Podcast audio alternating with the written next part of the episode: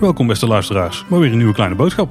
Ja, hey Paul. Hey Tim. Dan zitten we weer bij jou thuis in jouw, uh, jouw stulpje. Ja, maar we zitten hier niet alleen. Nee, inderdaad. Tegenover uh, ons uh, zit weer eens een, een, gast. Ja, en dit keer is het Pieter. Nou moet ik bekennen dat, we, dat ik jou altijd Pieter Leeboy noem, maar ik weet eigenlijk helemaal niet wat je achternaam ook echt is. Hoe spreek je die uit? Leeboy. Oeh, Tim, dat ja. Nee, heb ik jou ja, verkeerd gecorrigeerd. Ja, Pieter, Pieter Leeboy van Zero G Reviews. Maar misschien, Pieter, kan je beter zelf even uitleggen wie je bent en wat je doet. Ja, zeker. Goeiedag heren. Dat is eindelijk de dag dat ik uh, mag aanschrijven bij jullie aan tafel. Nou, je hebt al een keer een avondboodschap gezeten. Hè? Zeker, ja. zeker. Nou, de, de, meeste mensen kennen mij inderdaad uh, voor de video's die ik maak uh, op Zero G Reviews. ook verwend Efteling-liefhebber. naast eigenlijk alle parken die ik in Europa bezoek. ja, draag ik met trots toch een Efteling-abonnement in mijn broekzak mm. dagelijks. En luister ik eigenlijk echt vanaf aflevering 1 al met jullie mee. Ah, kijk, tof. Ja, inderdaad. We hebben vanaf het begin af aan wel contact met jou. Of toen een videootje gedeeld die je heel uh, tof een Efteling hebt gemaakt. Heel vet. En je bent niet alleen, uh, Pieter. Je hebt ook Josh meegenomen. Ja, zeker. We zijn vanavond met z'n, met z'n tweeën gekomen. We hebben onze, onze apparatuur meegenomen voor de oplettende luisteraars. Ik wil eigenlijk kijkers zeggen, maar ik moet even ja, luisteraars moet zeggen. Um, die hebben ons ook met wat camera's rondgezien lopen op de avondboodschap. En dat valt een beetje samen met de reden waarom uh, Josh vanavond mee is. En meer ga ik er nog niet over verklappen. Nee, heel goed. Spannend. Ik moet zeggen, jullie hebben meer apparatuur bij dan wij normaal gesproken ja, ik heb nou voor, voor, het, uh, voor de verandering eens een keer wel mijn haar gekamd, uh, Pieter. en uh, even goed in de gel gezet. Hey, we gaan het vandaag over achtbanen hebben. En specifiek die in de Efteling. En we gaan iets doen wat we eigenlijk nog nooit hebben gedaan, Tim. Nee? Nee, we gaan echt een toplijstje maken. Geen eervolle vermeldingen? Geen bonus? Nou, misschien is er één eervolle vermelding, maar daar komen we dan later nog wel op terug. Um, maar Pieter, we hebben jou natuurlijk speciaal gevraagd voor deze aflevering. Want jij hebt al iets met achtbanen. Ik voel me heel erg vereerd, want jullie hebben een aantal hele toffe gasten aan, aan tafel gehad, mag ik zeggen. Uh, dus ik voel me heel erg vereerd dat ik hier vandaag aan de, aan de, de achtbaan aflevering ja. mag aanschrijven. Uh, maar zeker, wij reizen Europa af om nou ja, eigenlijk alle achtbanen die voor ons interessant genoeg zijn om die mee te pakken. En dat lukt tot nu toe ook wel aardig. best wel wat baantjes meegepakt.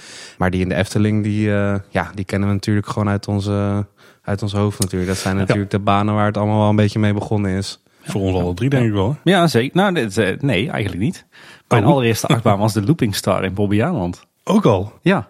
Terwijl ik... In Bobbejaanland?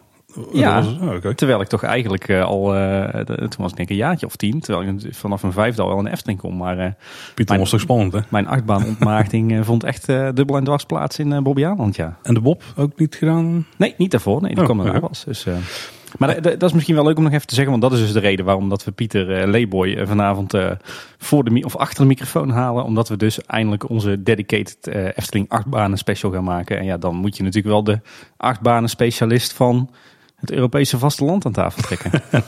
Zo, hè? speelt die maar op je die Mag ik, die mag ik in mijn broekzak steken nu, hè? Ja. En misschien moeten we even wat uh, kalibreren. Hè? Misschien gaan we nu ook wel vooruitlopen op de feiten. Maar was nou van alle achtbanen die je hebt gedaan buiten de Efteling een favoriet?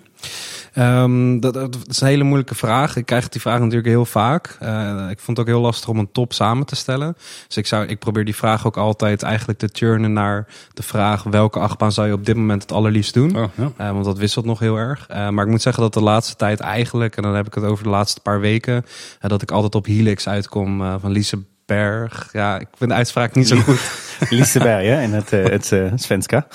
Nou, dat, dat, is, dat is de achtbaan waar ik dus uh, de afgelopen weken echt op blijf uitkomen. Dat, dat, dat in het kort, dat is de baan die voor mij alles heeft. Dus heb ik het over een launch, ik heb het over G-krachten, inversies, mooie omgeving, uh, een unieke layout. Die ga je sowieso nergens anders vinden. Dus ik zou voor nu zeggen deze baan.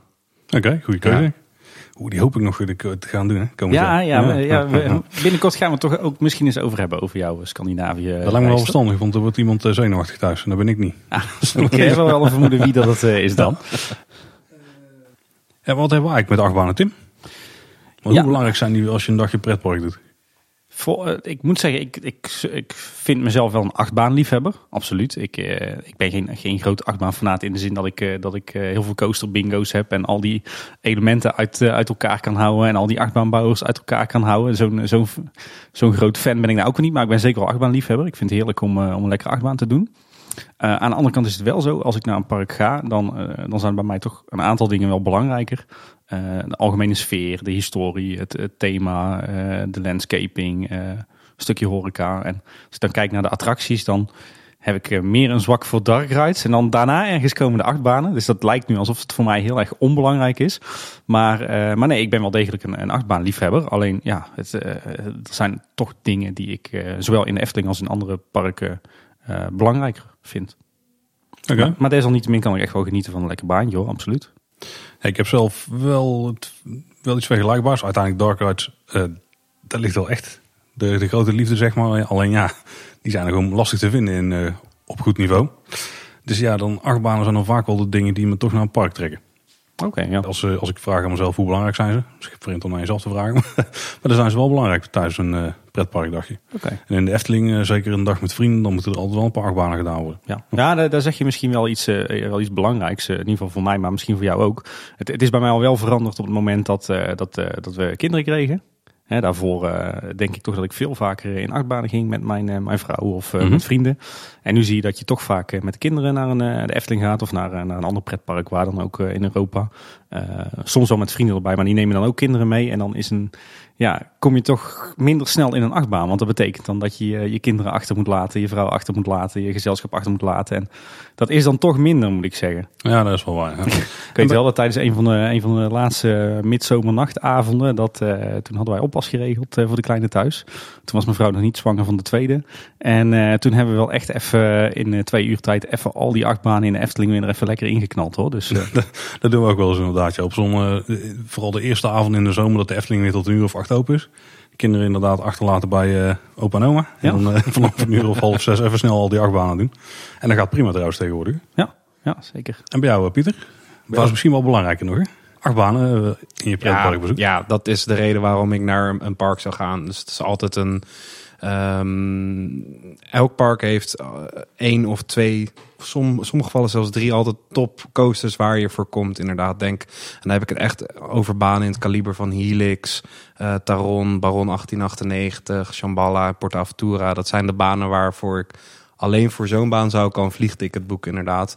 Uh, dus het is essentieel, meer dan belangrijk. Ja, ja. ja zeker. Ja, mijn pretparkbezoeken hangen af van de acht banen die daar te vinden zijn. Zowel denk ik vergelijkbaar met wat ik zeg. Want als je kijkt naar die parken en je kijkt naar het dark ride aanbod, daar is er zo goed als niet. Misschien een interactieve shooter.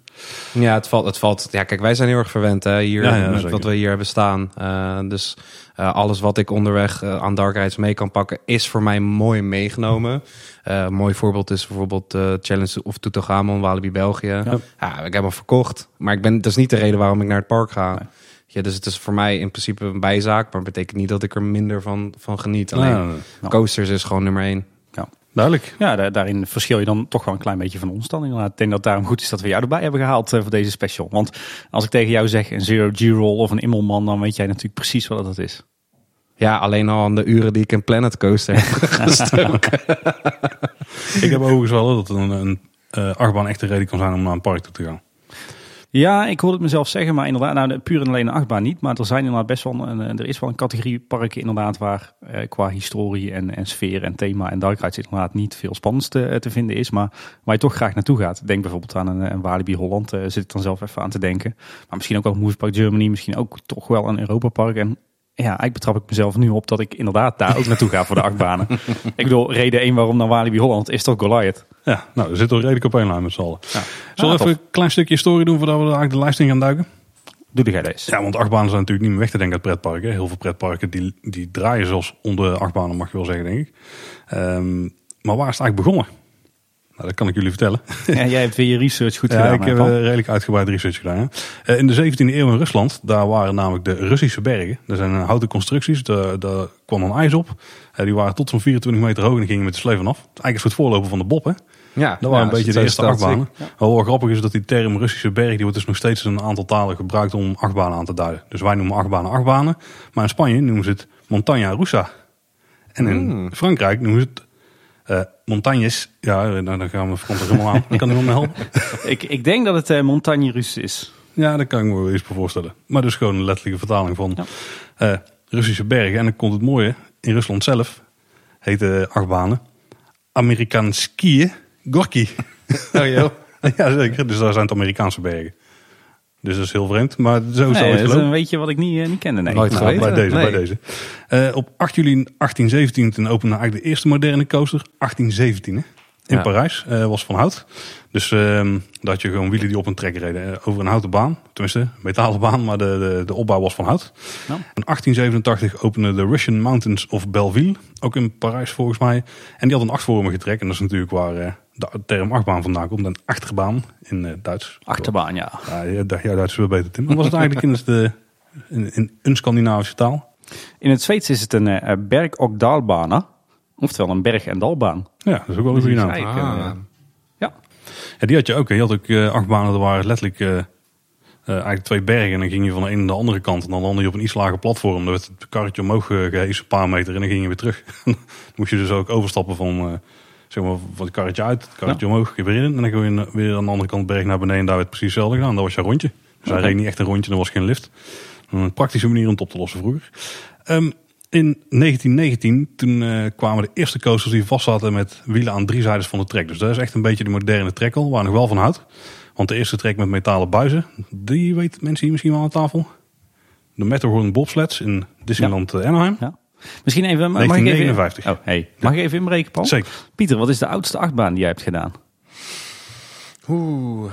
ehm, ik, ik, ik durf het niet eens te zeggen, joh. Ja, ik, ik, zie jou er al voor aan om thuis zo'n Excel-bestandje te hebben. Nee. Een hele database met alle achtbanen die je hebt gereden. Nou, ik, ik hoorde je net bijvoorbeeld ook over coaster bingo. En dat is dus, daar ga ik dus totaal niet hard Ah, op. Nee, ik pro- probeer niet zoveel mogelijk banen. Ik ga echt gewoon voor goede banen. Mhm. Ehm, dus dat soort dingen hou ik zeker niet bij. Dat is En ook ik- goed eh, carrièreadvies trouwens. Niet voor veel banen gaan, maar voor goede banen. ja, Ja, kwaliteitbanen, ja. ja. ik neem nu een slokje koffie, eh, Paul.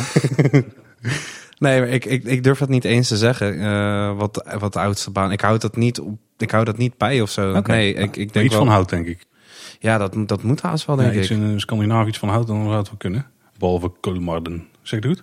Kolmarden. Ja, dat is de, de- een van de jongste banen die, Ja. Ja, eh, die we gedaan hebben. Ja. Mijn, mijn, mijn oudste is de Roetjebanen in Tivoli Gardens, 1914. Maar die heb jij vast en zeker ook gedaan, Pieter. Nog niet. Oeh, oh, hey. En Daar die moet die- je naartoe, man. En Balder, is dat een oude baan? Nee. Nee, nee, het is een vrij nieuwe intermin, eh Oh, oké. interminbaan. Ja, volgens mij in de Verenigde Staten hebben ze veel hout. Ja, en dan die, eh, die eh, god zeg eens gauw. En die pier, eh Ja, en pier eh, Ja. Big Dipper is er eentje. Ja. Ja. ja. Ja, Blackpool Pleasure Beach misschien hier ook wel in Oh. Blackpool en eh, in Ja. de UK. Nou, eh, zullen we verder gaan met de historie? Ja, ja, want ja, want ja, we komen nu jou- een beetje in de buurt van de Eftelingen. Dus 1959 was het de eerste trek van metalen buizen tussen Disneyland en Anaheim. En dan komen we bij de Efteling-historie. In 1967, toen, eh, dus dat is even voor de duidelijkheid ruim voordat de Python werd geopend. Toen waren er eigenlijk de eerste plannen voor een, eh, voor een achtbaan. Want toen werd het A-veldproject werd, ja, een beetje in leven geroepen. Eh, dat was een, eh, een best wel omvangrijk project met een spokerstil, een draaimolen, een muziektent, glijbanen, schommels, een dansvloer, winkels eh, en een boottochtje. En die ging dan door verschillende van die onderdelen heen. Dus onder andere door een La Lekkerland scène. Dus eigenlijk een soort voorganger van het Lavelaar. En een achtbaan. En die zat dan in een berg. en die, die locatie waar, die zou, het aanveld zou kunnen komen was onder andere de Spilweide. Dat was de Ja. meest genoemde locatie, maar er zijn ook wel wat andere opties geweest. Daar is uiteindelijk gestrand, heel de plan. Zo jammer, want het is wel echt een super vette attractie wat dat betreft. Hè? Een, een, een mooie themagebied eigenlijk met allerhande soorten attracties en infills en horeca. Nou, als ik, als ik zou denken hoe ze het nu zouden doen, dan is het inderdaad wel interessant. Maar als ik me voorstel hoe ze het misschien toen hadden gedaan, dan vrees ik toch wel een beetje voor hoe het eruit zou ja, eh, ja. gezien zou hebben. Eh, en 68 toen is er zelfs een houten kermsachtbaan aangekocht, eigenlijk voor dat project. Maar het hele plan eh, haalde het niet. En volgens de overlevering is die baan dus ergens door een opslag weggeroest. Maar in hoeverre dat waar is, weet ik niet. Maar anekdotes die, eh, die melden dat wel. En in 1972, dan is er weer hoop. Eh, Piek die maakt plannen voor een gebied ten zuiden van het park. En het aanveldproject wordt weer een beetje afgestoft. En dan wordt omgetoverd tot project 25. Met een achtbaan. Eh, maar ook die plannen lijken niet te halen. En dan gaan er weer een jaartje overheen. En wat studiereisjes links en rechts. En dan gaat het gebeuren. In 1981. Het grote ja, ja. Dan opent Python. Er staan achtbaan gebouwd in Vekoma. Nou, die kennen we inmiddels allemaal. Er bouwen heel veel achtbanen in de wereld. En zo- Die is overigens, eh, volgens mij, daar, daar zit toch een, eh, een, een verhaal achter. Die is toch ook gebouwd door, ehm, dat is toch een combinatie van. Vekoma en Ja. Arrow. Ja, aerodym aerodynamics volgens mij. Ja, volgens mij heeft Arrow de plannen eh, gemaakt. En eh Vekoma heeft die gelicenseerd voor Europa. Oké. Want Ja, volgens mij hadden ze toen nog geen fabriek hier in de buurt staan Ja, om dat te faciliteren. Ja. Want ten tijde van de opening was dus de Python de grootste, snelste en langste achtbaan op het Europese vasteland. Ja. De Python, hè. Toen had de Efteling gewoon de heftigste achtbaan op het Europese Ja. vasteland. In Engeland zal nog wel die spectaculairders hebben gestaan. Maar daar valt ik niet tegen. Toen deden ze echt mee wel in de top van achtbaanland. Ja, Vond, ja, dat was ik nog niet zo groot, denk ik. Maar Nou ja, ik, eh, dat was inderdaad. En ik denk dat je hoogstens een corkscrew had staan in Alton Towers. Ik weet niet eens of die voor of na de Python geopend was, maar veel meer had je aan kastalen achtbanen. Engeland heeft natuurlijk ook wel een, eh, echt een pretparkcultuur hè, wat dat betreft. Nou, volgens mij was, er- had je wel Looping Star van eind jaren 70. Voor een Bob, Bob Jan of Slag Haren. Een van die twee was het. Oh, het ook Looping toch? Ehm, Slagharen heeft ook een looping start. Hè? Had. Ik dacht, maar ik dacht dat het ook begin jaren 80 Die was eerder volgens mij. Nou, Maar niet uit. Zo goed heb ik het niet uitgezocht. Maar in ieder geval, die waren eerder, maar die waren kleiner. Dus de Efteling die liep toen voorop. Eh, en in 1985 toen kwam de tweede achtbaan, de Bob. Nou, daar gaan we binnen het afscheid van nemen. Daar hebben we het eigenlijk nog wel even over, denk ik. In 1991 kwam er de houten achtbaan Pegasus bij, maar die is inmiddels weg. Ja. Eh, de opening van Vogelrok was de volgende achtbaanstap in de Efteling in 1998. Was overigens de eerste niet-Disney achtbaan met onboard audio. Die kunnen we ook weer in onze zak steken. Ja, precies. En nog steeds van een eh, vrij hoog niveau. Hè? Ook vergeleken met eh, Disney, Disney banen, begrijp ik wel. Ja, en op- opvallend soepel, denk ik, voor zo'n baantje om die leeftijd. Ja. En 2007 opening van de Vliegende Hollander. In 2009 werd Pegasus gesloopt. En in 2010 opende daarvoor in de plaats Joris en de Draak. En in 2015 de laatste toevoeging tot dit moment Ja. in de Efteling. De opening van Bron 1898. En dan in 2020 krijgen we Max en Moritz. Ja. En in 2021 volgens de geruchten nog een achtbaan. Ja, precies. Dus er gaat er wel gebeuren, een achtbaan rond in de Efteling. Ja. En dan is het tijd voor de top 6. Ja, daar zaten we hier eh, toch, eh, waren we toch voor bij elkaar gekropen. Hè? De top 6. Even voor de duidelijkheid. Eh, Tim en ik en Pieter hebben alle drie een individuele top 6 gemaakt. Ja. Die hebben we niet met elkaar gedeeld. Voor de verandering. Ja, tenminste, Pieter heeft ze wel allemaal ontvangen. Tim eh, heeft een eh, top 6 van Pieter gestuurd en ik ook. En jij hebt eh, de Eurovisie Songfestival eh, scoring eh, erop losgelaten volgens mij. Ja, zeker. Ik was gewoon op zoek naar een manier hoe, de, hoe dat we eigenlijk tot een gezamenlijke top 6 eh, kunnen komen. En eh, dus we hebben gewoon een top 6, eh, alle drie een eigen top 6, waarbij de eerste plek 6 punten verdient, de tweede plek 5 punten enzovoort. Ja. Eh, die punten heb ik bij elkaar opgeteld en dat brengt ons tot onze gezamenlijke top 6. Gaan we hem nu al verklappen? Ja, hè? Nou, we gaan gewoon beginnen bij nummer 6 denk ik. ja, ja, ja. Dus eh, nummer 6 Pieter. Nummer 6. Misschien wel het spannendste. Ja, een beetje spanningsopbouw. Maar op nummer 6, geëindigd met, eh, met vier punten, is, eh, is de bobbaan. Oh, oké. Ja, de bobbaan is op eh, punt, eh, plek 6 geëindigd. Ah, dan ben ik meteen een beetje treurig. eh. Ja. Nou, als het, het is een gezamenlijke top 6, dus op zich, zich niet verkeerd dat hij op nummer 6 staat, denk ik. Goed dat hij weggaat dan. Hè? Ja, dat zou je bijna kunnen zeggen. Ja. Ik vind de Bob wel een leuk baantje. Ik, ik vind in het algemeen alle Efteling-banen wel leuk. Eh, eentje die was wel minder dan de rest, maar daar hebben we het straks nog wel even over. Ehm, ja, de Bob, ja. Ja, Maar- het is een unieke baan in de ja. Efteling. Maar Dat was voor mij ook het argument om iets hoger te laten eindigen. Bij mij Ja. stond hij op eh, plek 5. Inderdaad met name vanwege eh, die unieke waarde. Hè? Dus een unieke attractietype. Of ja, nagenoeg uniek eh, type. Eh, zeker hier in Europa. En bovendien ook de belevingswaarde. Want ja, wat was er nou, eh, nou heerlijker dan als het goed had geregend. Of het regende. En dan, eh, dan in de bob. En dan als een malle door die goot glijden. Ja, super vet. ja, wat was er nu heerlijk, want dat kan al een tijdje Nee, niet meer. nee, nee, daarom zeg ik het ook zo. Maar eh, daarom was hij bij mij net één plek hoger geëindigd. Maar ja, op vijf. Bij mij. Heb jij een specifieke herinnering aan de Bob? Die vraag werd mij gesteld toen ik werd geïnterviewd op de radio. Ik had geen idee. Een specifieke herinnering aan de Bob? Eh, nee, alleen associeer ik op de een of andere manier de Bob altijd met de geur van gebakken bami schijven. Eh, dat moet je toch even uitleggen, Ja. Tim. Ja, ja de, de, de steenbok zit natuurlijk bij, eh, bij de uitgang van de Bob. En op de een, voor mijn gevoel ruikt het bij de Bob altijd naar bami schijf. Dus als ik aan de Bob denk, dan heb ik ineens de geur van kleffe bami schijf in mijn hoofd. Kan het zijn dat ze bij de laatste bocht gewoon zo'n ventilatieschacht hebben gezet? Dat is gewoon een afzuiging van de, van de steenbok, ja. Nee, maar Ja. ik, ik moet zeggen, ik, ik vond het trouwens wel leuker met de, met de oude voertuigen nog. Toen was hij wel een stuk soepeler voor mijn gevoel. En toen was de belevingswaarde wel groter dan, eh, dan dat zitje wat je nu hebt met z'n tweeën naast elkaar. Wel comfortabel nu, maar Ja, maar dan, dan heb je toch meer het, voor mij in ieder geval, voor mij persoonlijk, het, het gevoel dat je echt op je karretje zit, op je bob. Terwijl in die oude voertuigen zat je er echt ingegleden als ware het een, een echte ja, Olympische bobslee, zeg maar. En dat vond ik toch wel net even tandje, tandje leuker. Dat kan ik me niet zo heel goed meer herinneren eigenlijk. Maar En ook goed voor de intieme momentjes, hè. Mm, Vooral met onbekenden. Of, eh, Maar ik, eh, eh, door naar de volgende. Maar goed dat ze geen single riders hadden in die, in die tijd.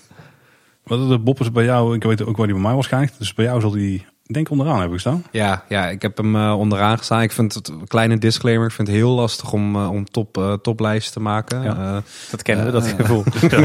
dat heb ik zelf eigenlijk ook nog nooit, nooit gedaan. Tenminste niet online. ook wij krijgen heel vaak de vraag van ja, wat is dan je favoriete achtbaan of wat is de top? Ja. en hoe ik hem eigenlijk heb ingericht is van op het moment dat ik nu kon kiezen en welke attractie ik zou stappen, welke zou ik dan als eerste doen en welke zou ik pas als laatste doen. Dus dat betekent niet dat ik de Bob per se een slechte baan vind. Nee, dat vind ik Alleen ik zou hem op, op nu, als ik nu naar Efteling zou gaan, zou ik hem als laatste op de dag doen. Ja. Uh, en neem niet weg dat ik het ontzettend toffe baan vind. Uh, en met name in de winter Efteling uh, en dat is denk ik mijn mooiste herinnering aan de Bob. De eerste keer dat ik uh, me kan herinneren dat ik in het donker de Bobbaan deed. En toen heb je toch een beetje het gevoel alsof je op de, de, de Rainbow Road van Mario Kart. Zegt dat iets hier? ja, ja, ja, zeker. Dat is gewoon alleen maar verschillende kleuren licht. En dat je daar overheen chased. En uh, de winter en de Bob gaat natuurlijk perfect samen. Dat is gewoon een hele mooie beleving. Dat, dat zijn ook de mooiste ritjes voor mij altijd geweest. Ja, ik denk dat hij bij mij op dit moment, als ik er heel subjectief naar kijk, hoger staat. Gewoon door het feit dat hij gaat sluiten. Dat je dus ja, dat de emotionele waarde. Ja, ja, ja. En dat speelt nu in één keer op, terwijl het juist, uh, zeg maar, anderhalf jaar geleden was het echt een beetje, al eerder genoemd, een beetje zo'n vergeten baan. Van, uh, ja, precies. Oh ja, die hebben ook nog, die kunnen ook nog wel even doen. Het is niet echt de top of mind als je het over acht banen en de Efteling hebt. Ja. Misschien omdat hij geen trek heeft. Tussen geen buizentrek. Maar... Nou, weet ik niet. Dat, dat vond ik juist een pre. Ja, dat maakt hem uniek. Dus dat maakt hem tof. Ja. Ik denk, dat, ik denk dat ook de capaciteit en de wachtrij, het comfort van de wachtrij daar wel in meespeelde hoor. Dat was voor mij wel vaak de reden om er niet in te gaan. Ja, zeker. Omdat de wachtrij gewoon te lang was en de wachtrij ook nog eens oncomfortabel was. Dus, uh... Nou, ik kon wel lekker hangen tegen die dikke balken. Ik vond het eigenlijk wel prima. Maar ja, dan zat je weer vast aan kauwgum en graffiti en zo. Dus dat, dat, is ja, ja, Nummer vijf? En nummer vijf uh, is geëindigd met, uh, met zes punten de Python. En dan ja. ook een beetje waar jouw top zes ja. geëindigd denk ik. Ja. Ja. Ja, want uh, als we dan inderdaad even kijken naar de individuele puntenverdeling, uh, mag ik dan alvast verklappen dat bij jullie maar één punt gegeven is uh, voor de, voor de Python. Bij ons allebei? ik heb hem als ene laatste gezet. Nee, als laatste, ja, dat klopt. Ja, ik ook. Ja. hey, grappig Paul. Dat had ik niet verwacht. Ja, we zijn het een keer met elkaar. Ja. Dat betekent dus automatisch dat, er, dat ik er vier punten aan de Python heb gegeven. Dat is bij mij eindigt hij heel hoog. Oké, op plek drie bij jou staat hij bij jou dan? Klopt, plek drie voor de Python voor mij. Oh, grappig verschil. En dat heeft alles met de ritverloop te maken. Los van, uh, van de herinnering die ik aan heb. Ik heb altijd, ik dacht heel lang dat het trouwens mijn eerste over de kop achtbaan was. Maar dat blijkt dus achteraf toch uh, Car Cop Chase in Move Park Germany te zijn. Oeh, dus dat was een, beetje uh, weten hoe oud ik ben. dat was een, een, een heftige rammelbak. Ja. Ja, ja was, een, was, een, was een leuke, leuke eerste... Ik kan, was een grappig ding. ik kan me helemaal niks van herinneren. Dat is waar nu, hoe heet dat, dat Santa Monica gebiedje is, toch? Ja, ja. klopt. Volgens mij waar die lood kwam. Klopt, oh, ja. ja, die heb ik gehoord. Met vlammenwerpers en loopings en zo. En dat was echt was een heftig apparaat, ja. Um, maar de Python uh, heb ik hoog gezet omdat ik, ik, ik vind de, de, layout gewoon heerlijk. En dat is ook gelijk mijn liefde voor achtbanen is omdat het gewoon heel achtbanen zijn heel erg voorspelbaar, zijn goed, het is heel controleerbaar. Hè? Dus ik vind het ook heel fijn om naar een achtbaan te kijken, omdat je weet precies wat je gaat zien. En dan uiteindelijk gebeurt het ook. En dat is gewoon heel, dat voelt gewoon heel prettig. En de Python layout is, je wilt denken dat het een hele simpele layout is, maar het is echt een hele goede layout. Het is gewoon layout technisch heel sterk. En, en het ritverloop was in de oude situatie gewoon heel erg pittig. En daar hou ik gewoon van. Gewoon goede G-krachten. Op de backrow door de loopings heen chase aan het eind van de dag. Nou, dat was, dat was gewoon fantastisch. Ja, ja en... Uh, maar nu minder dan, hoor ik jou zeggen? Ja, vind ik wel. Qua ritverloop. Ja. Uh, ik merk dat ik was, ik ben over het algemeen echt iemand die op de backroad het liefst zit. Niet alle acht banen, maar de meeste wel. Ik merk nu wel echt een wezenlijk verschil op de achterste rij. Uh, Python, oude situatie en nieuwe situatie. Um, ik doe hem nog steeds hartstikke graag. Maar ik mis de G-krachten van, van de oude baan wel af en toe. Ja. Ja. En, welk punt dan vooral? Uh, punt dat je bij de eerste looping beneden komt. Dus mhm. voordat je de eerste looping induikt. Uh, de helix aan het einde, die, die was in de oude situatie toch wat meer, wat, wat had wat meer krachten voor mijn gevoel. Mm um, ja, en ik ga toch zeggen, ik vond die lompe bocht na de tweede looping, ik vond het, om, om te, ik heb gisteren nog even een onrijd zitten kijken. Ik vond het fantastisch, hoe lomp het ook was, maar het was gewoon een fantastisch stuk. Ik kon er echt gewoon genieten gewoon. Nou, dat heb ik niet met die, met die bocht. Ik heb dat wel met dat stuk airtime wat je daarvoor had. Als je uit die tweede looping werd geknald. Dat vond ik wel het hoogtepunt van de Python. Maar dat is nu ook minder geworden inderdaad. Ja, ja klopt. Ik had de Python vooral laag gezet omdat, het, omdat ik het juist een voorspelbaar baantje vind. Het is inderdaad, jij zei het net, het is echt precies wat je ziet, wat je get. En ik heb ook wel eens tegen iemand verteld, als je uh, een beetje de, vooral in die tijdgeest, de interessantste elementen van de achtbaan pakt en die knal je achter elkaar, dat is gewoon de Python. Je hebt een loopingje, je hebt een bochtje, je hebt een helix en je hebt een uh, kurkentrekker. De volgende klopt niet even niet helemaal, maar niet uit. Ja, er zijn gewoon standaard onderdelen. En, en als je kijkt dan naar de rit zelf, ja, ik heb, ben er echt wel een paar keer uitgekomen met nekpijn. Dat ik denk van, oh, dat is niet echt heel relaxed. Dat is nu over. Dus hij is, in mijn aanzien is hij nu wel gestekend ten opzichte van uh, voor de rebuild. Maar um, ja, ik, nee, voor mij deed het niet goed. Hij, ik heb hem ook heel even in mijn lijstje boven de Bob gehad nog.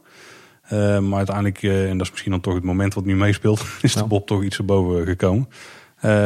maar nu is het wel een stuk closer dan dat het een paar jaar geleden was. Want dan had de Python bij mij echt gewoon stevig onderaan gestaan. Ja. Nou, bij mij heeft hij, ik heb, ik heb er lang mee zitten dubben. Uh, ik heb hem zelfs nog op plek 3 gehad eventjes, maar uiteindelijk is hij bij mij ook onderaan geëindigd op plek 6.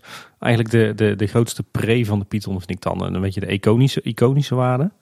Maar dat is dan ook meteen eigenlijk de enige pre die je kan bedenken. En ik denk dat alle andere achtbanen van de Efteling uh, betere assets hebben wat dat betreft. Hè. Als je bijvoorbeeld alleen naar de Bob kijkt, dan is het daar al het, het unieke ritverloop en de heftigheid van de, van de rit en het thema, et cetera. En, en wat, wat ik bij de Python verder mis is, uh, er is geen thema. lelijk stationsgebouw, lelijke landscaping. ja, die baan heeft wat mij betreft van de zes achtbanen van de Efteling het, het minste. Het enige wat die eigenlijk meebrengt is een stukje iconische waarde. Maar, ja, en en Trill wel.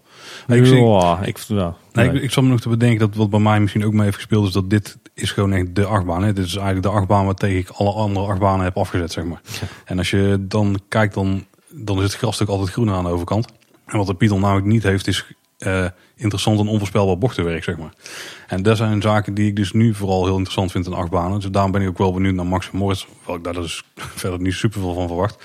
Uh, maar vooral wat er in 2021 gaat verschijnen. Want ik verwacht daar wel wat interessantere uh, intermin bochtenwerk, zeg maar. Um, en, en daar heeft de Python gewoon helemaal niet. En op een gegeven moment ga je er misschien een beetje op blind staren van... Uh, de Python is gewoon recht aan, de Python is gewoon recht toerecht aan. En dat zit echt helemaal in mijn hoofd. En dat vind ik ook wel, dat dat zo is. Maar ik denk dat vooral dus... Het is echt die achtbaan waarmee je bent opgegroeid. En ja, andere achtbanen zijn dan toch interessanter omdat je die allemaal niet kent misschien. Maar wat, wat, wat voor mij wel nog een plus is, en dan sluit ik eigenlijk een beetje aan bij, bij Pieter uh, over de Bob, is uh, de Python in het, uh, in het donker. en dan vooral zeker op, op zomeravonden als het nog lekker warm is, maar het is al wel stikdonker. En dan staat die baan over het algemeen toch mooi in de verlichting. En dan heb je van tevoren heb je nog even wat gegeten, een hamburgertje, even wat gedronken, al dan niet alcoholisch. En dan, dan in de Python, in het donker, wind door je haren. Ja, dat, dat, dat is dan wel weer vet. Ja, en hij warmt, warmt ook zo heerlijk op, hè, die baan. Dat was, dat was, ik weet niet hoe dat in de nieuwe situatie is, want ik heb hem nog niet super vaak gedaan. Maar dat was wel echt een baan die aan het eind van de dag gewoon uh, goed ja. stevig doorramde over de baan. En misschien kunnen jullie iets vertellen over de nieuwe situatie. Hij, hij, hij, voelt een beetje ten opzichte van, uh, vind ik, ten opzichte van de vorige uh, Python, om het zo maar even te zeggen, alsof hij een beetje inhoudt. Alsof je zeg maar de, de auto op de eco-stand hebt staan, zeg maar. Ik weet nog een leuke uh, anekdote die Paul uh, vertelde tijdens de avondboodschap over. Oh jee. weet ik hem zo? Ja, ja. Oh. Nee, zeker als ik hem. We hadden het over de Python en uh, we hadden het over het overgangstuk. Hè? Dus wanneer je van de drop naar de eerste looping gaat. Mm -hmm. En toen zei Paul: Het is net alsof je van België Nederland binnenkomt. ja. Dat is dan wel zo. Hij is wel, hij is wel lekker soepel. Uh, oh, best geniaal. Maar, als ik het zo. Dat, dat, ga ik ook niet meer. Ik, ik, ik had het er laatst weer over. Dat is zo'n. Want ik reed laatst in België. En elke keer als ik de grens heb gehad, dan moet ik daar ook aan denken. Ik weet niet of onze Belgische luisteraars het zo waarderen, jongens. Maar vooruit. Ik heb laatst in een nieuw tv-programma Nederland versus België. Want ik had een keer kabel op een weekendje weg. Heb ik gezien dat de Belgen daar zelf ook vinden. Dus dit is een acceptabele uitspraak. Ja. Oké. Okay. ja. Maar uh, terug naar de Python of gaan we door naar nummer 4? Ik denk dat we naar nummer 4 kunnen. Ja, nummer 4 is uh, geëindigd met, uh, met 10 punten de Vliegende Hollander. Oh. Ja. Nee, ik heb een lijstje eigenlijk zo gemaakt. Ik heb gekeken naar welke achtbaan of welke attractie zou ik het liefst willen doen. En de, dan staat de Vliegende Hollander in dat lijstje wel iets hoger. Alleen uiteindelijk gaat het wel om achtbaan, omdat de achtbaanstukje van de Vliegende Hollander gewoon echt heel matig is is hij daarna, of is hij daarom wel een plaatsje naar beneden gekikt in mijn lijstje. Okay. Dus in principe is het maar echt mijn, heb ik het ook bekeken eigenlijk zoals jou, van waar zou ik het liefst ingaan. Alleen de Vliegende Hollander heb ik daarom, omdat het dus zo'n zwakke achtbaan is, wel geswitcht. Dus daarom staat hij bij mij, volgens mij stond hij bij mij op nummer 4. Uh, ja, ik vind het een mooie attractie. Mooi aangegeven. Vooral de wachtrijen. Het station super mooi. Ik vind de Dark Ride natuurlijk ook echt wel uh, geslaagd. Nou, we hebben het al vaak zat over gehad. Ja. Maar ja, dan kom je naar buiten en dan is het eigenlijk uh, drie bochtjes. En dan ben je er een heel aantal. Ja. Heel goed voorspel, maar teleurstellend. ja, bij, mij uh, staat hij uh, staat hij net wat hoger. Bij mij staat de Hollander uh, staat op drie. Ja, hoe, hoe, heb ik mijn lijst gemaakt? Daar moet ik dan misschien ook even op inhaken. Mm -hmm. Daar kan ik eigenlijk weinig touw aan vastknopen. Ik, ik heb wel geprobeerd om naar, naar een gewogen gemiddelde te kijken. Van, misschien een trots aan vastknopen. Gezien de vliegen. Oké, okay, ja. Ik, ik, moet, ik moet weer even refill van koffie hoor jongens, want dit, dit gaat echt niet goed. Nee, ik, ik heb geprobeerd om een beetje een gewogen gemiddeld te maken van een aantal uh, items. Uh, gewoon uh, de, de, de landscaping, het thema, de ritervaring, de unieke punten, de emotionele, iconische waarden. Dus ik heb wel geprobeerd bij mijn top 6 om daar een ja, soort van al die, al die factoren bij mee te nemen. En bij mij is de Hollander op 3 beland. Nou ja, waarom op 3? in de eerste plaats heeft de Hollander toch wel een een heel bijzonder plekje in mijn hart. Voor de luisteraars die het nog niet weten. Ik heb daar zelf, uh, daar zelf aan uh, mee mogen bouwen toen ik nog bij de Efteling werkte. Dus dat is toch een, een bijzonder ding voor mij. Ik ben het mee eens, Paul, dat, dat de achtbaan zelf weinig voorstelt. Komt denk ik ook omdat de voertuigen uiteindelijk zo lomp en log en zwaar zijn geworden. Dat had ja. wel veel spectaculairder geweest als die kleiner waren. Maar ik vind het gewoon als geheel, als combinatie van walkthrough uh, Dark Ride, um, uh, coaster en watercoaster. Hè, die, die vier elementen aan elkaar geknoopt. Ja, dat vind ik gewoon een sublieme vondst. Het is echt een, een origineel Efteling product, door de Efteling zelf bedacht, met, met partners. Daar kan je van alles over zeggen wat daar goed en fout aan is. Maar het, het is een origineel concept. Uh, en het, het heeft in de basis ontzettend veel potentie. Ik, ik heb het al eens vaker gezegd. Ik denk als er een paar ton of een paar, nou, laten we zeggen goed, een paar miljoen tegenaan wordt gesmeten. En, en de effecten en het decor zou zo worden gemaakt zoals het ooit ontworpen is geweest door Karel Wilme. Ja, dan heb je hier gewoon echt een attractie van, uh, van wereldformaat, uh, van wereldniveau. Uh, en ja, dat is het allemaal net niet geworden door een aantal perikelen. maar voor mij staat hij toch zo hoog, omdat hij inderdaad super interessante landscaping heeft. mooie thematisering in de wachtrij, station en een deel van het dark ride gedeelte. heel uniek. ja, het, ja, en een bijzonder plekje in mijn hart. Ik ben het helemaal met je eens, alleen ik heb hem dus vanwege het lage coastergehalte maar naar beneden geschoven. Daar ben ik ja. benieuwd wat jij hem hebt gezegd, Pieter. Ja, Pieter. Ja. ja, ik heb hem even kijken op plek, uh, plek 4 staan. Ik oh. uh, ben er redelijk neutraal over de Vliegende Hollander als je het hebt over het, het achtbaanaspect. Uh, mm -hmm. De attractie aan zich vind ik gewoon hartstikke goed. Uh, ik wou dat meer parken in Europa zulke attracties uh, uh, maakten. Um, ja, ik ben eigenlijk vrij neutraal over Vliegende Hollander. Dus ik doe hem graag. maar als ik hem een dag in de Efteling ben en ik doe hem niet, dan is het in de meeste gevallen even goed eigenlijk. Oh. in de zomer doe ik hem natuurlijk net, net even wat liever. Ik merk wel dat als die weer open is uit de winterslaap, dat ik dan toch wel even naar de Efteling ja. rij om mee te doen. Dat is wel de... Even, even, kijken of toch die vallende boegbeelden niet terug zijn geplaatst. Ja, precies. Ja.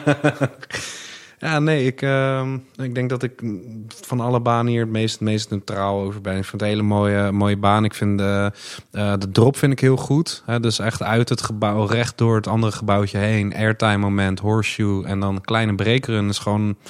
Ik hou gewoon van um, wanneer acht banen... Um, element na element hebben. Dus dat je, je bent ja, niet stuk aan het uitrijden. In dit geval ben je een stuk aan het uitvaren. Maar dat is ingecalculeerd in de rit. Dus je hebt het, precies het mooie uitzicht als je komt, binnenkomt varen. Maar net voordat jij binnenvaart zie je ook de volgende boot alweer naar buiten komen. Ja, die, dat, die is wel heel goed getimed. Ja, daar ben ik mee eens. Ja, ja dat is gewoon genieten. Ja. En dat, dat, dat vind ik mooi aan, aan, sommige banen. Is dat het baanverloop gewoon van element naar element gaat. En dat doen ze bij de Vliegende Hollander hartstikke goed. Ja.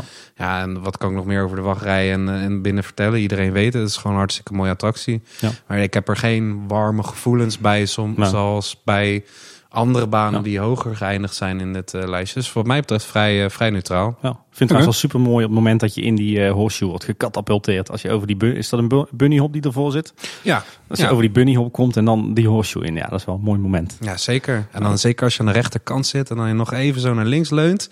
Dan heb je een mooie momentum voordat je weer terug... Ja. ik zie Paul een beetje... nee, ik de eerste keer dat ik daarheen ging, toen dacht ik echt van inderdaad... Van, oh, we krijgen een rollback. Ja. maar het gebeurt dus trauma's, nooit trauma's, au, au. ja, oké.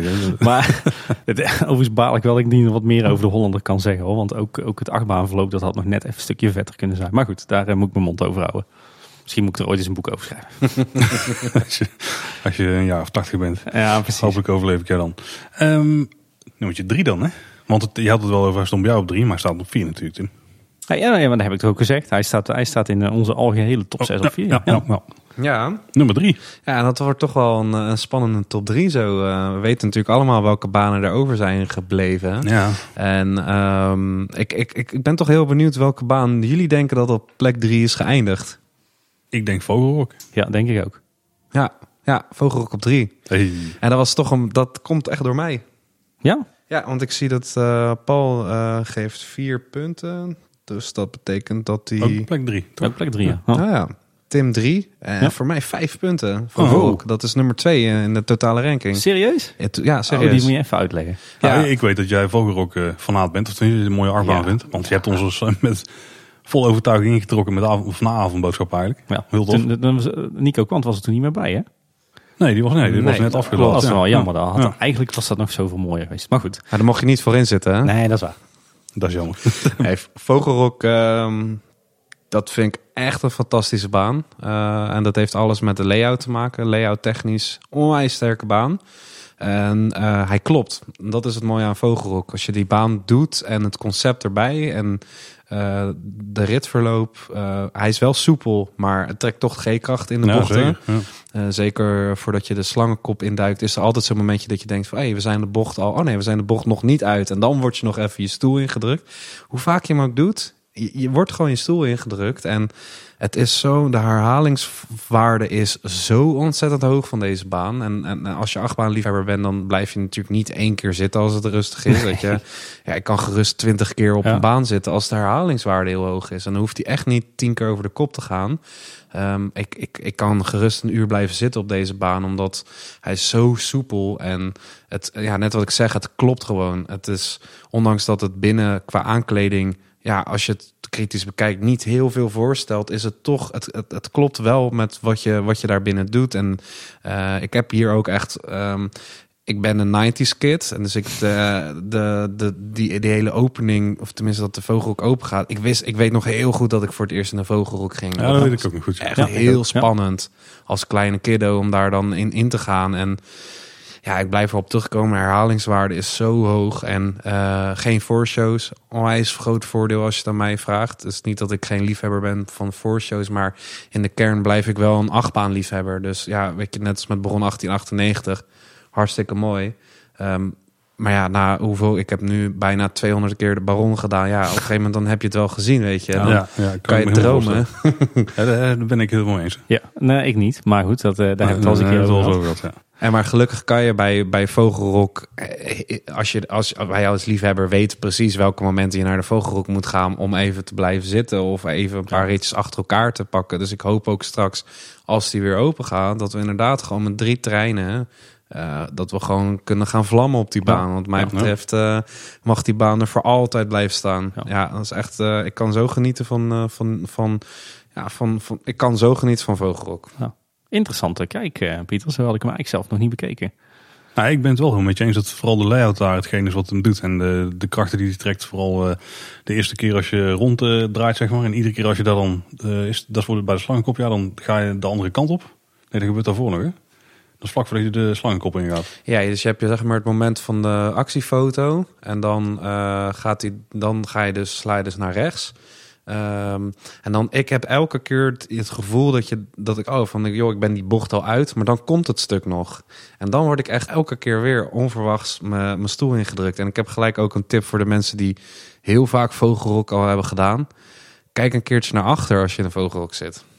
Ja, heel herkenbaar. Ja. Dat- Nee, ik heb namelijk inderdaad, hij draait eh, continu of een heel stuk linksom. En dan in één keer draait hij de andere kant op. En dan heb ik altijd zo'n beetje, dan moet ik even bijkomen iedere keer. Dus echt, eh, dat vind ik altijd heel tof. Ja. Ik vind, je hebt eigenlijk alles al gezegd wat ik had willen zeggen. een hele toffe baan. Goede layout. Ook gewoon inderdaad recht toe recht aan eh, zitten en gaan, zeg maar. En ja, ik vind hem wel prima. Het is niet net als bij, ehm bij Python dat je zo'n hele trage lifthill hebt. En de muziek erbij helpt ook echt wel. Die voegt ook wel echt iets toe. En eh, ja, die lasers en zo, dat, dat maakt me niet zo heel veel uit als we daar zouden vervangen voor meer serieuze thematisering. Zou ik ook prima vinden. Maar ik vind het een heel tof baantje. Ja, daarom staat hij ook best wel hoog. Eh, de baan die ik, er- die ik er nog boven heb gezet, Eh, die bieden nog wel meer in mijn ogen. Zijn nog wat completer, denk ik. Maar daar hebben we het eigenlijk nog over. Ja. maar Vogelrok, ja, echt... ik ben heel blij dat zo'n baan in de Efteling staat. Oké. Ja, ik, ik heb wat gemixte gedachten over, over Vogelrok. Bij mij staat hij op vier. Um, in ieder geval onder de Vliegende Hollander nog. Waarom? Aan de ene kant is de Vogelrok een ongelofelijke guilty pleasure voor mij. Net wat je zegt, gewoon een heerlijk soepel baantje. Je kunt hem blijven doen. Ik weet ook in de, een beetje de jaren 2000. Uh, eh, toen, toen kwam bij mij een beetje dat, uh, ja, moet zeggen, de Efteling-liefhebber zijn uh, ontstond. Daar, daarvoor was ik ook wel Efteling-liefhebber, maar ging toch vaak met, met familie. En vanaf het jaar 2000 echt met andere Efteling-fans. Ja, en hoe vaak wij wel niet uh, dagenlang keer op keer op keer op keer op keer in de vogelrok. En zeker in het, in het koudere en nattere seizoen. Ja, dat bleven we maar doen. Uh, de lasershow kijken, uh, weet je dat nog? ja, ja met die vlakjes waar je ze op kon slaan en dan kwam er geluid. Ja, precies. Heel vet, ja. Dus ja, voor, voor mij is de vogelrok aan de ene kant echt wel een guilty pleasure. Doordat ik het vroeger zo enorm veel gedaan heb. ook nog steeds inderdaad, wat jullie al zeggen, een, een lekker soepel baanverloop. Aan de andere kant is het voor mij ook wel een beetje een stoffig hok. En vind ik er net iets te veel gemiste kansen in zitten. Ik oh, vind, ik vind de, de, de, de aanpassing van het eerste gedeelte van de meandering eh, vind ik super. Echt top hoe ze dat hebben gedaan. Zeker die, die gang met de olifantenskelet en zo. Echt heel gaaf. Maar uh, de, de buitengevels, uh, dat binnentuintje, uh, de opstaphal en, en, en de hal zelf. Ja, dat vind ik allemaal zo, ja, zou misschien bijna zeggen marginaal uitgevoerd. We weten dat het ook Ton van de Ven, de ontwerper, heeft gefrustreerd. En eh, dat snap ik wel. Je had natuurlijk met dit thema en dit verhaal zoveel meer kunnen doen. Dus in die zin vind ik dat wel een beetje van ja, het is een. Ik vind het de aankleding, de thematisering vind ik uh, ja, wat aan de magere kant. Dus daarom staat hij voor mij uh, onder de Vliegende Hollander en, en onder nog twee banen die wat mij betreft echt uh, toppertjes zijn. En de Vogelrok heeft dat voor mij net niet. Nee, ik vind inderdaad bij Vogelrok, hier ben ik het ook mee eens hoor. Het is qua aankleding is er nogal veel te halen. En ik ik denk altijd van droomvluchten gaan ze niet zo heel veel grote dingen aan doen. Want die wachtrij daar staat altijd gewoon vol en de capaciteit is verder prima. Ik ben benieuwd hoe daar bij Vogelrok gaat. Want dadelijk, als je met drie treinen kan rijden, dan gaan die wachttijden, wachttijden hopelijk een beetje slinken. Tenminste als de operations uh, goed zijn. Uh, en de, ja, de attracties waar de minste wachtrij staan, als je die interessanter kan maken, bijvoorbeeld door ze maar aan te kleden. En die wachtrij die gaan we groeien. Misschien dat we, of hopelijk zien we over een aantal jaar nog een, uh, een, een, een dat die een tijdje dicht gaat om hem beter aan te kleden. Ja. Zeg maar. Daar ben ik voorstander van. Sowieso de opstaphal, maar ook de, de, de achtbaanhal zelf, zeg maar, daar, eh, daar zie ik wel potentie in. En er hoeft dan echt geen uh, volledig aangeklede wereld uh, te worden, maar het kan wel meer zijn dan wat het nu is. Wat zou jij ervan vinden, Pieter? Want maakt je dan heel veel uit hoe dat dan nog... Nou, ik, ik wil eigenlijk net zeggen, dit, dit is juist het leuke dat we dus nu een, een, een samengestelde top 3 hebben. Want hier wordt heel duidelijk waar iedereen eigenlijk op welke factoren die zijn uh, top 6 baseert. Ik, ik denk als laatste eigenlijk pas over de teaming als ik over acht banen denk inderdaad. Want Vogelrok is voor mij gewoon vlam inderdaad. En uh, ik ben zeker met eens. Ik geloof ook echt wel dat daar veel meer uit had kunnen halen wat ze nu hebben gedaan. Alleen het stoort me niet als ik deze attractie doe. Um, zijn, uh, dat is wel bij een andere attractie, komen we zo dan nog op terug. Dat is wel een attractie waar ik denk van ja, dat had, ja, dat, dat is gewoon een gevoelskwestie, denk ik. Omdat ik het moment als ik naar Vogelrok toe loop en ik loop door onder Vogelrok door, dan heb ik, denk ik alleen nog maar aan van oh, lekker zo meteen op die baan zitten. En ik hoop dat ik kan blijven zitten. Daar ben ik veel meer bezig met hoe lang is de wachtrij dan dat ik om me heen aan het kijken ben. Uh, Ja, dat daarin kan je dus duidelijk aanmerken wat, wat voor ons nou de criteria zijn van onze top 6. Ik denk dat het ook een leuke manier is hoe we dat nu, uh, nu doen. Maar um, Nee, dat, dat, maakt voor mij niet zo heel veel uit. Ik ben wel heel benieuwd wat ze gaan doen. Uh, straks met Vogelrok komen ze meteen ook nog terug in een aantal stellingen die ik mee heb genomen. Oeh, oké. Okay. dus ik ben wel benieuwd wat ze gaan doen. Maar uh, als de baan maar blijft staan, dan ben ik een gelukkig mens. En de winterperiode komt er aan. Dat is natuurlijk belangrijk. Uh, voor, voor, als ik denk aan winter Efteling, dan is het gewoon Vogelrok. ja, ja, ja, dat was bij mij vroeger ook altijd zo. Dat klopt. Die is zeker altijd over. Dus ja, jasje, jasje uit en lekker in een warme achtbaan. Hè? Helemaal goed, maar ik denk dat we verder moeten naar nummer twee. Ja. ja. ja. Dit, dit, vind ik misschien nog wel de allerspannendste. Ik ook. Ja, toch wel? Ja, ja, Ik, ik, weet het natuurlijk al. Ja, de nummertjes 1 en 2 vind ik ook wel spannend. Ik heb er zelf wel een visie op, maar ik kan me voorstellen dat die uh, Ik, ik denk dat ik het heb afgelegd met mijn uh, top 2. Tegen Pieter nummer 1, want ik voel dat jullie dezelfde hebben. Ik ga jullie verlossen en het is... Uh, plek 2, hè? Ja, plek 2 inderdaad. de mensen die mij persoonlijk kennen, die zien dit van verre aankomen. Maar op nummer 2 staat Joris en de Draak. Ah, toch. Ja. Ik had het zien aankomen. Ja. ja, En dat komt, uh, dan kijk ik wel even de individuele puntenverdeling. Uh, zes punten vanuit Paul. Zeker. Die moet je zo meteen zeker even toelichten. Eh, Tim heeft vijf punten. En voor mij krijgt hij een magere twee punten. Serieus? Ja, Wow, Nee. ja, ja echt Je waar. liegt, Pieter. dan mag jij beginnen. Ja, jij mag beliggen. eh, Ja, beginnen. mag, ja, ja. ja. eh, fair enough. Ehm, Daar, daar is de deur, eh, Pieter. ik zal het zo goed mogelijk Ja, onderbouwen. Oké. Ja, zeker. Joris en Draak krijgt voor mij eh, twee punten. En ehm, ik ben eigenlijk steeds minder van deze attractie gaan houden naarmate ik meer eh achtbanen van Great Coasters International heb gedaan. Dus Ja. ehm, eh, Joris en Draak was de eerste baan die ik van ze deed uit mijn hoofd. Denk ik wel. Ehm, ik ben overigens ook niet kapot van Troy in het Overland. Ja, sorry mensen, maar dat is gewoon een eerlijke mening. Die vind ik ook heel tof. Ja, ik ben er niet weg van. eh, en dat heeft alles met de banking te maken. En dat is ook de reden waarom ik Joris en de Draak gewoon echt niet hoog heb zitten. Ik, Nou, dat vind ik echt wel een van de toffe elementen eraan. Maar de, ja, ik, ik vind, ehm, ik vind het. Ik, ik heb. Kijk, het eerste. Laat ik beginnen bij het begin. Ehm, de lift heel naar boven. Je ziet allebei de treinen. Mooi. Fantastisch. Waar heb je dat nog? Een, een mooie dueling coaster. Dat is gewoon genieten. Je gaat de drop af. Je komt bij elkaar samen. Fantastisch moment. Ik, ik zorg altijd dat ik aan de rechterkant zit bij vuur. Zodat ik uit mijn bakje kan hangen. Zodat andere mensen me, me zien aankomen. Fantastisch moment. Eh, drop is goed. En dan, en dan begint het. Die, die, die eerste bocht naar rechts. Het is gewoon ongemakkelijk. Ik vind het niet, ik vind het niet lekker zitten. Hmm. En ik weet bijvoorbeeld van eh, Wodan, eh, die, die gaat, die banking die gaat een stuk schuiner. En, en ik weet dat ze dat wel kunnen. En ik, ik, eh, ik heb altijd het gevoel dat bij Joris en de Draak dat de banking express niet helemaal tot de, ja, hoe, zeg- hoe zeg je dat? ja, dat de G-krachten niet ideaal verdeeld worden. Ja. Ja, Ja. precies. Dat je toch een beetje naar de. En dat heb ik bij Troy bijvoorbeeld ook, maar bij Joris en Draak misschien wat meer. ehm, is dat je naar de zijkant gedrukt wordt. En dat vind ik zonde, omdat ik weet dat bij andere banen van dezelfde fabrikant is dat niet tot minder. Bijvoorbeeld Wodan is ook een hele korte baan. Eh, maar die heeft dat gewoon heel, een heel stuk minder, vind ik. Ehm, en ik heb hem gewoon echt niet hoog zitten. Ehm, ik, ik, ik, bijvoorbeeld de wachtrij, dan ga ik wel naar de teaming kijken. Ja. Want dan ben ik niet bezig van... oké, ik ga zo meteen lekker vlammen in de Joris en de Draak. Dan heb ik dus wel aandacht voor de wachtrij. Ja. Ja. en dat vind ik toch echt de geminste kans. De wachtrij eh, van Joris en de Draak. Nou, ik vind het deel daarbij het moeras vind ik wel oké. Alleen staat voor mijn gevoel de laatste tijd bijna altijd droog. En er was vroeger volgens mij ook een misteffect dat onder Ja, die eh, ja, platen van, planken vandaan kwam. Dat heb ik ook al jaren niet meer gezien. Dat vind ik wel jammer. Eh, maar vooral het stationstukje, er was wel meer uit te halen. Ik denk dat de moderne, de, de, zo lang is die niet open, maar ik denk dat de moderne Efteling er wel meer van had gemaakt. Dat je nog een extra ruimte in was gegaan of zo en daar nog wel had gezien. Ja. Eh, daar, ben ik groot, grotendeels wel met je eens. Want het stukje moeras vind ik echt wel, eh, vind ik wel tof. Ja. Ja, als ik daar nog heel kort op in kan haken, wat ik, ik sta dan vaak te speculeren van ja, wat zou er dan, hè, eh, wat zou er dan aan toegevoegd moeten worden? En in mijn optiek is dat, hoeft dat niks meer te zijn dan een tentje van, van Joris die net buiten het dorp is geplaatst waar hij zijn zwaarden heeft liggen. Hoeft echt geen, ik weet dat je er gek op bent, hoeft echt geen animatronic te staan.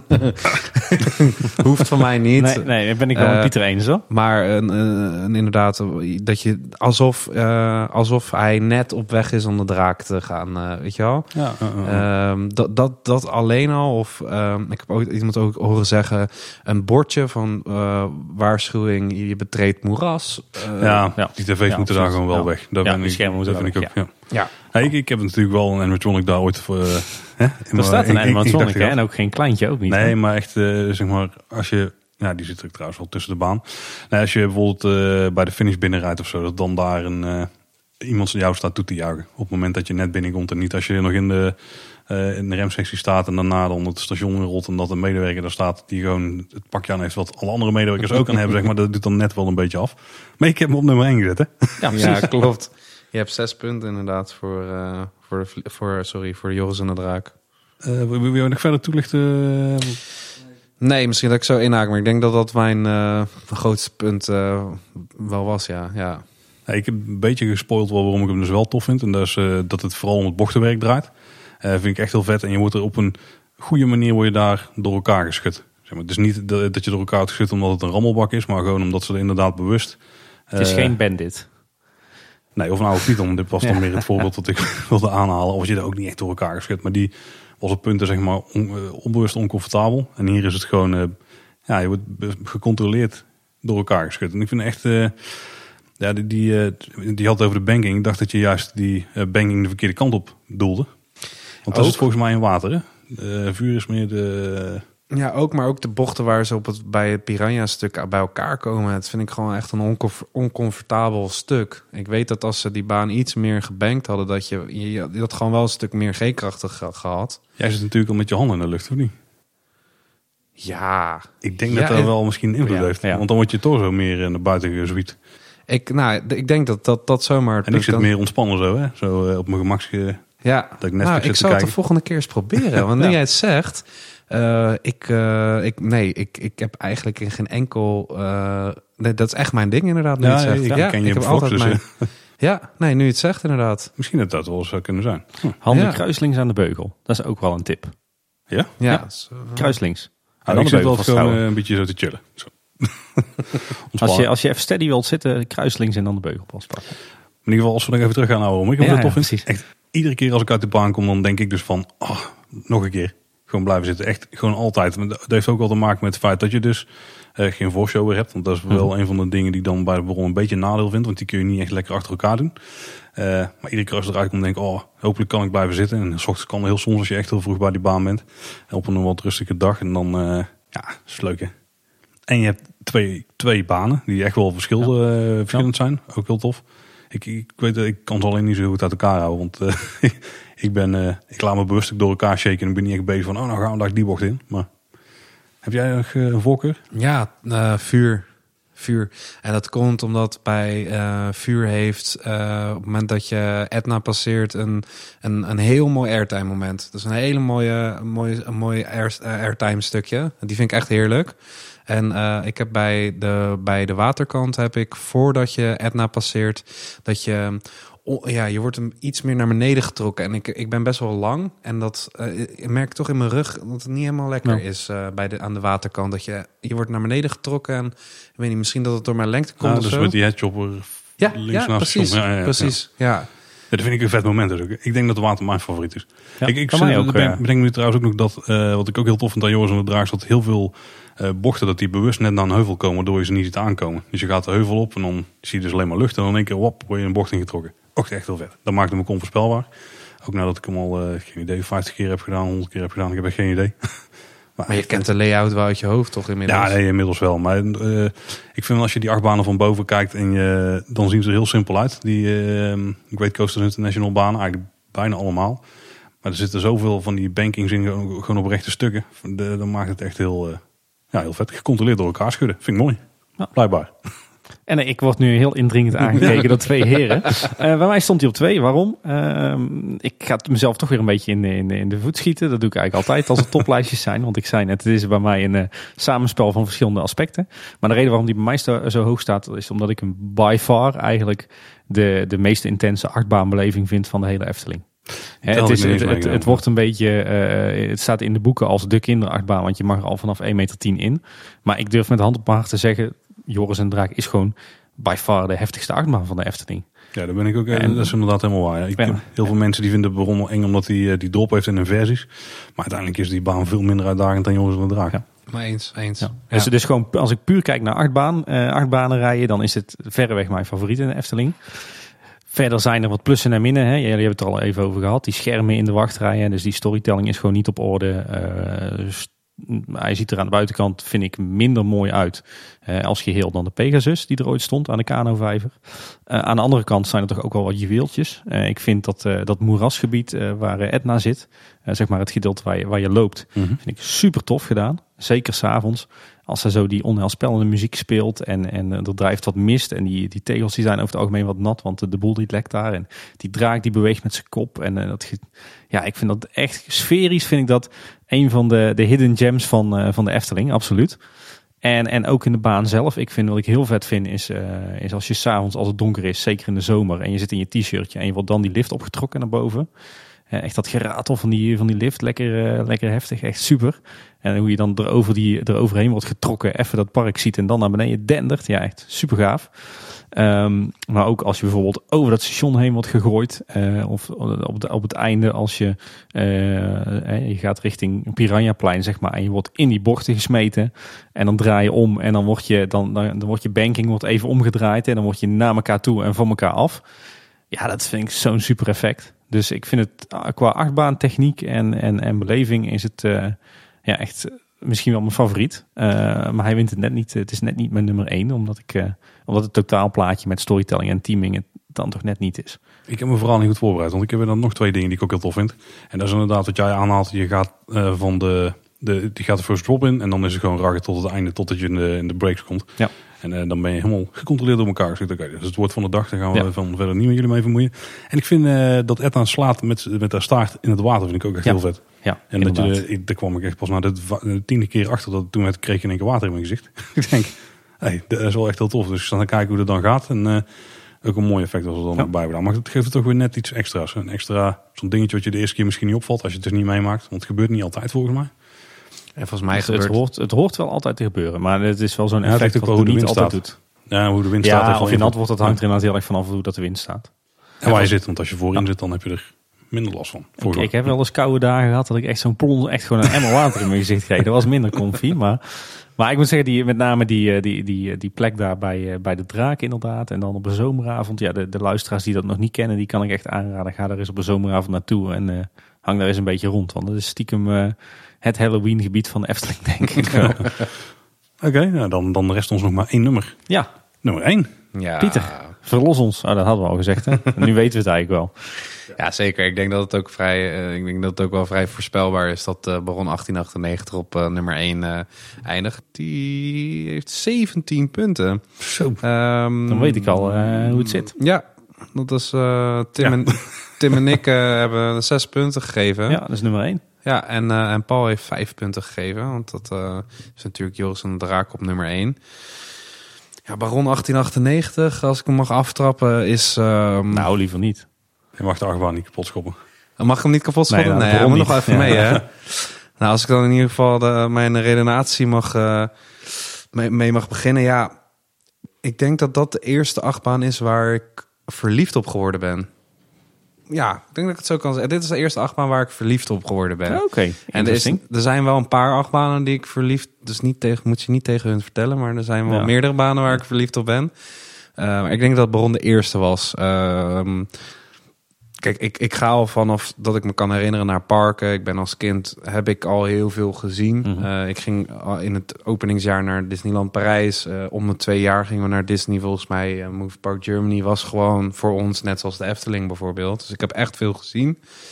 Uh, maar toen Baron aangekondigd werd, toen ben ik pas echt uh, het gaan volgen, zeg maar. Dat deed ik daarvoor nog niet heel bewust. Dus ik was wel altijd bezig met, met, met layouts. En ik was altijd heel geobsedeerd door een achtbaanverloop. En ik zocht wel filmpjes op, maar ik was nog niet heel erg bezig met het volgen van de bouw. En ik denk dat de Efteling met Baron 1898 heel bewust een andere marketingstrategie heeft gekozen. En heel erg op het social media zijn gaan zitten. Mm. En, en dat is nou net iets wat, ik, wat mij heel erg aanspreekt, social media.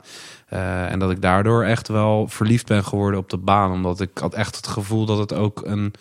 Ik had echt het gevoel dat het ook een soort van mijn baan was. Omdat ik hem gevolgd had, zeg maar, vanaf ja. punt Ja, ik weet precies wat je bedoelt. Ja, want ja. ik vond het heel tof dat je bij de bouw heel dichtbij kon komen.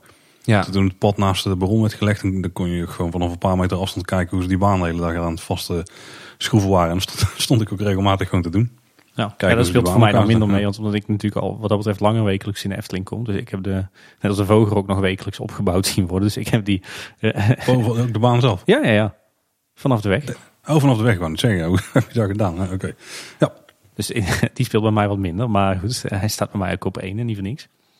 En daarnaast zou ik uh, het vooral op de layout gooien. Kijk, we hebben het over mijn optiek een perfecte layout. Uh, bekijk dat ding in Google Maps en ja, dat is gewoon genieten.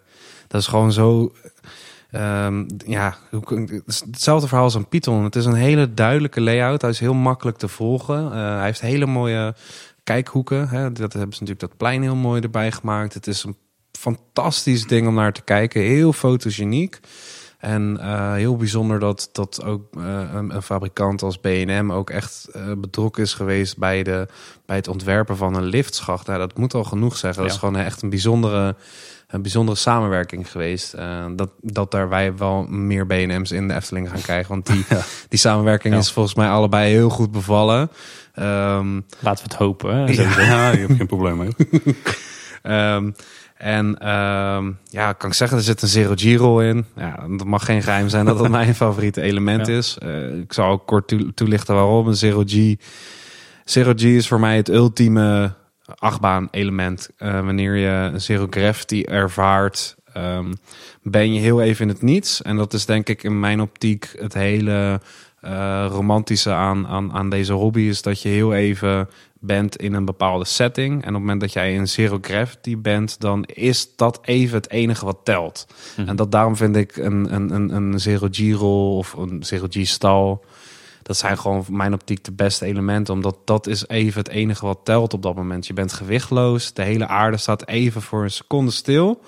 En voor het weet ben je er weer uit. En dan ben je, word je weer gewoon in de realiteit meegenomen. Maar dat, dat cruciale moment als je voorin in het midden zit bij Baron 1898 mm -hmm. of op de derde rij in het midden, ja, dat is gewoon genieten. En dat, dat, dat, het is zo uh, controleerbaar. Je weet dat hij gaat komen en dan komt hij. Het is een, een, een lekker moment en dan ben je er gewoon weer uit. Je weet precies wat je kan verwachten en het stelt nooit teleur. En dat, dat is gewoon het enige, enige dingetje wat ik aan te merken heb op de layout is dat je na de helix, voordat je het airtime moment induikt, dat hij een klein knietje heeft in de baan. Um, maar voor de rest is die gewoon perfect, zou ik zeggen. Oké.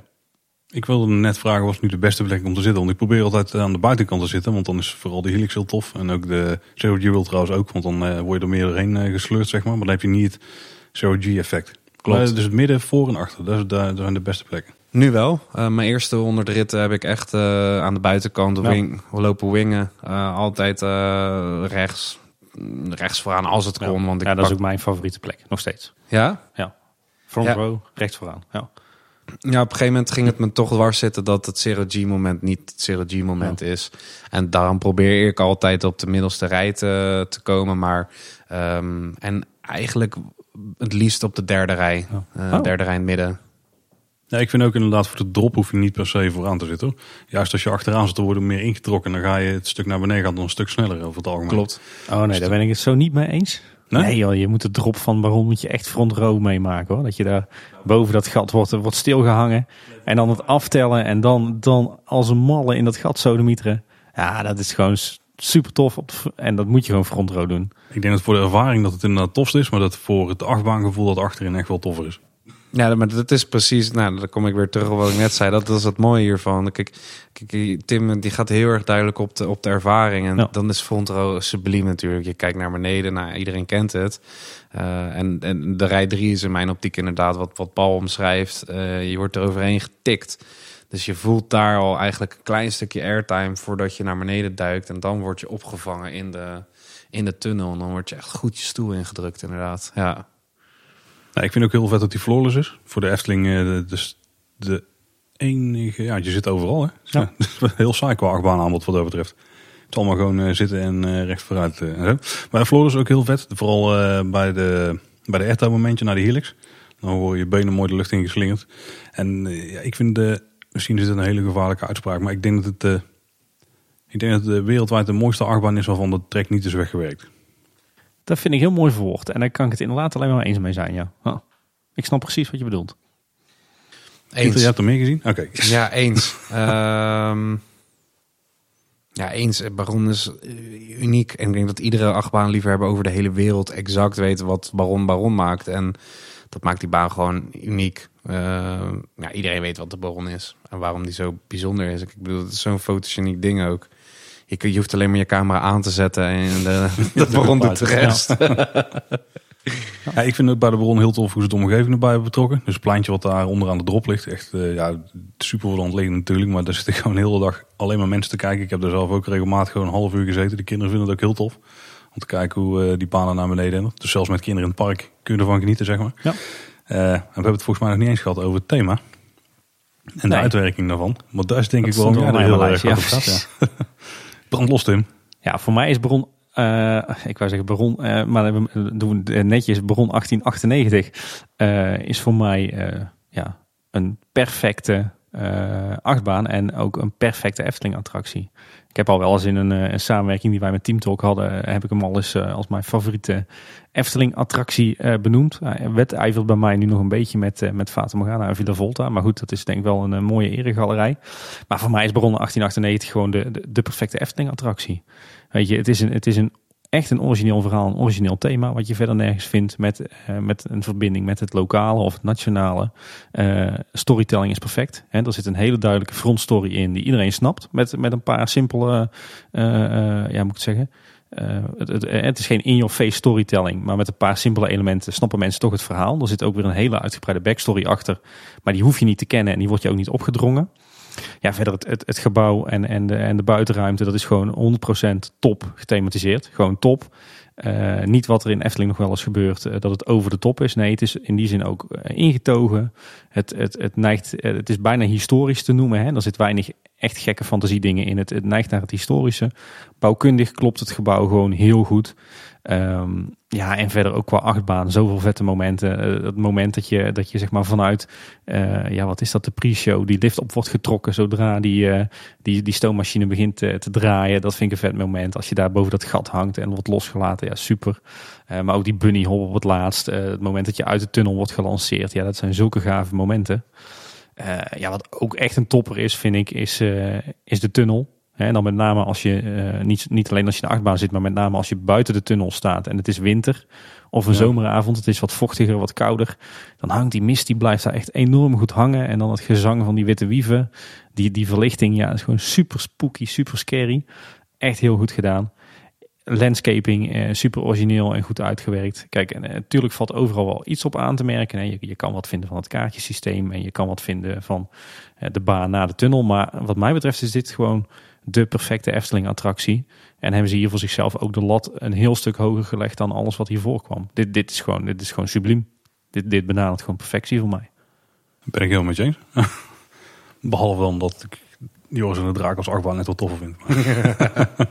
ja, het, het het thema klopt gewoon inderdaad wat, wat Tim zegt. Het is, het is ook behapbaar voor, voor mensen die niet onze taal spreken. En het is gewoon te begrijpen. Ook al kom, kom je daar aanlopen inderdaad. Je hebt maar even een paar handvaten nodig in de, in de, tijdens de voorshow. En je snapt waar het over gaat. Ja, en ook super goede vondsten. Die grammofoonplaat die dan het verhaal vertelt, dat klopt gewoon. Uh, uh, die, die projecties uh, op die projectieschermen en die witte wieven die dan naar binnen komen, komen zwermen. ja, gewoon zoveel goede vondsten. Dat kantoortje rechts wat eigenlijk bijna niemand ziet, maar wat super gedetailleerd is. in de opstaphal de geluiden van rinkelende telefoons. al die details in kastjes aan de muren, al die prenten. Ja, dit is gewoon, dit is gewoon subliem. En de draaiende raad aan de, aan de bovenkant van de toren ook heel tof. Die bel die dan afgaat. Ja. Super, ja. Uh, het, ja, het, het, uitzicht het station in als je uitgestapt bent en je loopt over die balustrade en je kijkt het station in en je, je ziet, uh, je hebt echt, zeg maar, je ziet dat hele station in één keer. Best een episch uitzicht, hè? Ja, dit is wel echt uh, misschien nog wel een betere opstaphal dan de Vliegende Hollander. Ja, ja. Ik zeg eens, maar dat is omdat ik echt een zwak heb voor het Baron. Uh, en, en valt alsnog gewoon na 50 ritten vallen er alsnog gewoon dingen op te merken daar. Ja. Uh, en dat is gewoon het mooie. Bijvoorbeeld uh, als je inderdaad daarboven staat, de, de, je hebt mee, na, die, na die kluisjes heb je ook een stukje waar, waar oude foto's van de tunnels te zien zijn.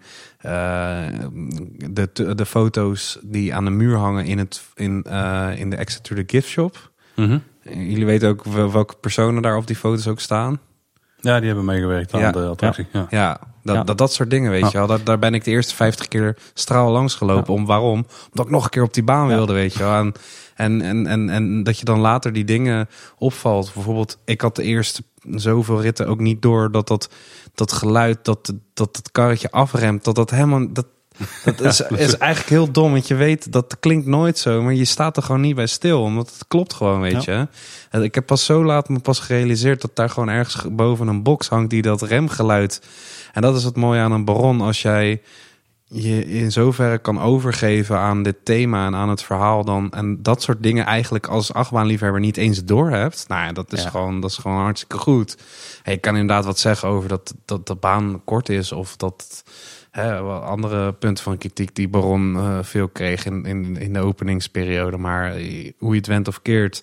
Ik denk dat heel veel parken over de hele wereld heel graag zulke attracties in een park willen hebben staan. En Ja, wij hebben er wel. gewoon potverdikke eentje staan hier. eh. Oh, en dan als je er langs loopt, dat geluid van die, van die zoemende B&M. hè. Oh, heerlijk. Mhm. Dat is een prachtig geluid. Ja. Genieten. Ja, dat was hij dan, onze top 6. Ja, volgens mij waren we het op zich nog niet eens zo, eh, zo gek oneens met elkaar. Ja, er waren wat uitschieters, maar eh, Maar in het algemeen was de lijn eh, redelijk duidelijk. Ehm, even snel herhalen nog, de top 6. Ja, zeker. Nou, de top, eh, top 6 is als, eh, als volgt. Ehm, we beginnen onderaan met eh, Bob. Gevolgd door Python. Vliegende Hollander. Vogelrok. Joris en de Draak. En als laatste Bron 1898. Nou, kan ik beleven. Ja. Top, eh, prima top 6, ja. Heb Pieter, je had nog wat stellingen voor ons voorbereid, begreep ik. Ja, zeker. We zijn heel benieuwd. Het zijn ehm, hele. Ik wil eigenlijk in een. Het zijn er mm, van elke baan eentje plus nog een, eh, een, een, een extra stelling. En die mogen zo snel mogelijk met ja en nee beantwoord worden. En wie van ons moet dan? Of Eh, eh, allebei mag het liefst tegelijk eigenlijk. Ik wil jullie zo min mogelijk tijd geven om na te denken. Er zitten ook een paar tussen die ik een beetje extra moeilijk heb gehad. Ah. En dan eh, kijken we daarna wat, wat jullie antwoorden zijn. En gaan we daar misschien nog leuk over discussiëren. We beginnen met de eerste. En dat is... De Efteling heeft een megacoaster nodig. Ja. Tegelijk. Ja. Hm, Netjes. De wachtrij van Joris en de Draak is mislukt. Ja. ja. Ja. Bob vervangen met een powered coaster is een goed idee. Nee. Oeh. Baron 1898 is de beste achtbaan van Nederland. Nee. Nee. Nou, ja. Nee, ja. Nee, als achtbaan niet, maar als attractie eh Ja, doet hem in de ja. top. En als achtbaan? Nee. Sek als achtbaan? Zeg ik nee. Oké.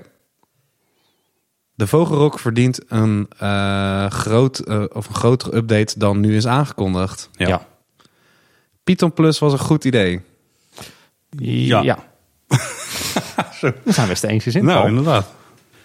En als laatste, het is zonde dat er geen animatronics zijn in de Vliegende Hollander. Ja. Ja. ja. ja. Eh, kijk, welke, de eerste stelling die jullie eh, los van elkaar eh, of anders antwoorden. Ja, de Bob vervangen met een powered coaster is een goed idee. Ja. Ja, het is, de Bob is nu de instapachtbaan voor iedereen. En met de Powered Coaster heb je denk ik een prima instapachtbaan terug. Eh, en het ritssysteem geeft ook nog wel mogelijkheden. Maar dit is dan echt eh, wel de vraag hoe ze het gaan uitwerken. Geeft wel wel interessante mogelijkheden om het eh, net iets meer te maken dan een baantje wat een paar rondjes zoeft. Zoals de meeste Powered Coasters nu nog doen. Dus ik denk het wel. Ja, Ja. ja maar mijn redenatie, het moest snel natuurlijk. Ik ben het wel eens met jou dat het goed is dat er een vervanging komt die net zo familievriendelijk is. Maar de Bob blonk voor mij juist zo uit vanwege dat unieke eh achtbaanconcept.